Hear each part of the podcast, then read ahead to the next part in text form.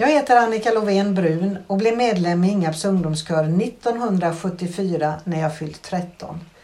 Min första UK-resa gick utomlands till Finland. Och det finns så många minnen från resor, övningar, tältmöten, övernattningar, bibelstudier, grillkvällar, volleybollturneringar. Ja, listan blir lång på vad vi gjort tillsammans i kören. I kören Ingarps ungdomskör och i gemenskapen Ingarps ungdomskör.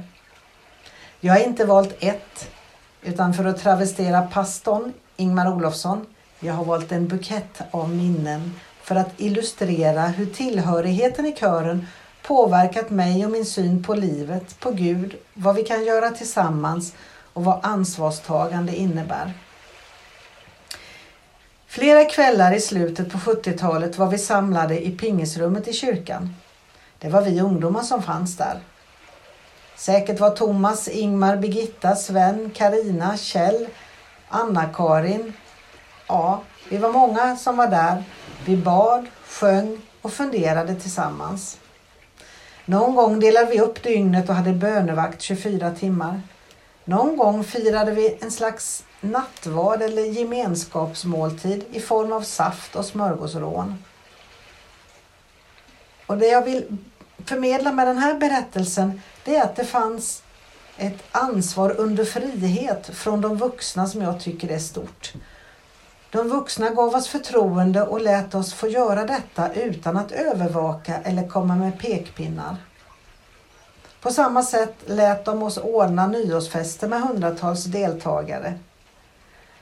Och det är just det som leder oss till nästa exempel. Vi är någon gång på 80-talet. Jag hade flyttat till Uppsala och studerade och kom hem på loven och deltog så mycket jag kunde. Det hade fyllt på i leden. De som var småungar hade växt till sig och just det året var de som var ansvariga för elen på en av dessa nyårsfester två av dem som nyss fjantat runt men gick på elprogrammet på gymnasiet. Det var Glenn och Conny som hade fått ansvaret och det är ett exempel på hur talanger och kunskaper togs tillvara och användes i gemenskapen. Man ska göra det man är bra på. Alla behöver inte göra allt. Alla ska inte springa på alla bollar. En stor eloge till dig Ingmar som lärde oss detta. Och ibland sjöng vi Alla har en uppgift, alla något att ge. Någon har visioner, en en bön att be. Och så var det. Alla fick en uppgift.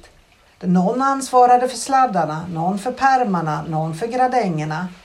Det var ansvar under frihet. Man fick sitt ansvarsområde och det förväntades att man fixade det. Och det gjorde vi. Vi var ute och sjöng på lördagskvällen och förväntades delta i förmiddagsgudstjänsten. Och det gjorde vi. Inte för vi måste utan för att vi ville. Lika självklart att hjälpa till inför och under nyårsfesterna. Lika självklart var det att komma på nyårsdagen och plocka undan och städa. Ansvar och frihet. Ingmar som var ledare under min tid i ungdomskören fick oss att bli bättre än vad vi kanske trodde vi var själva. Både sångmässigt och i olika uppdrag och att stå inför människor och tala och vittna.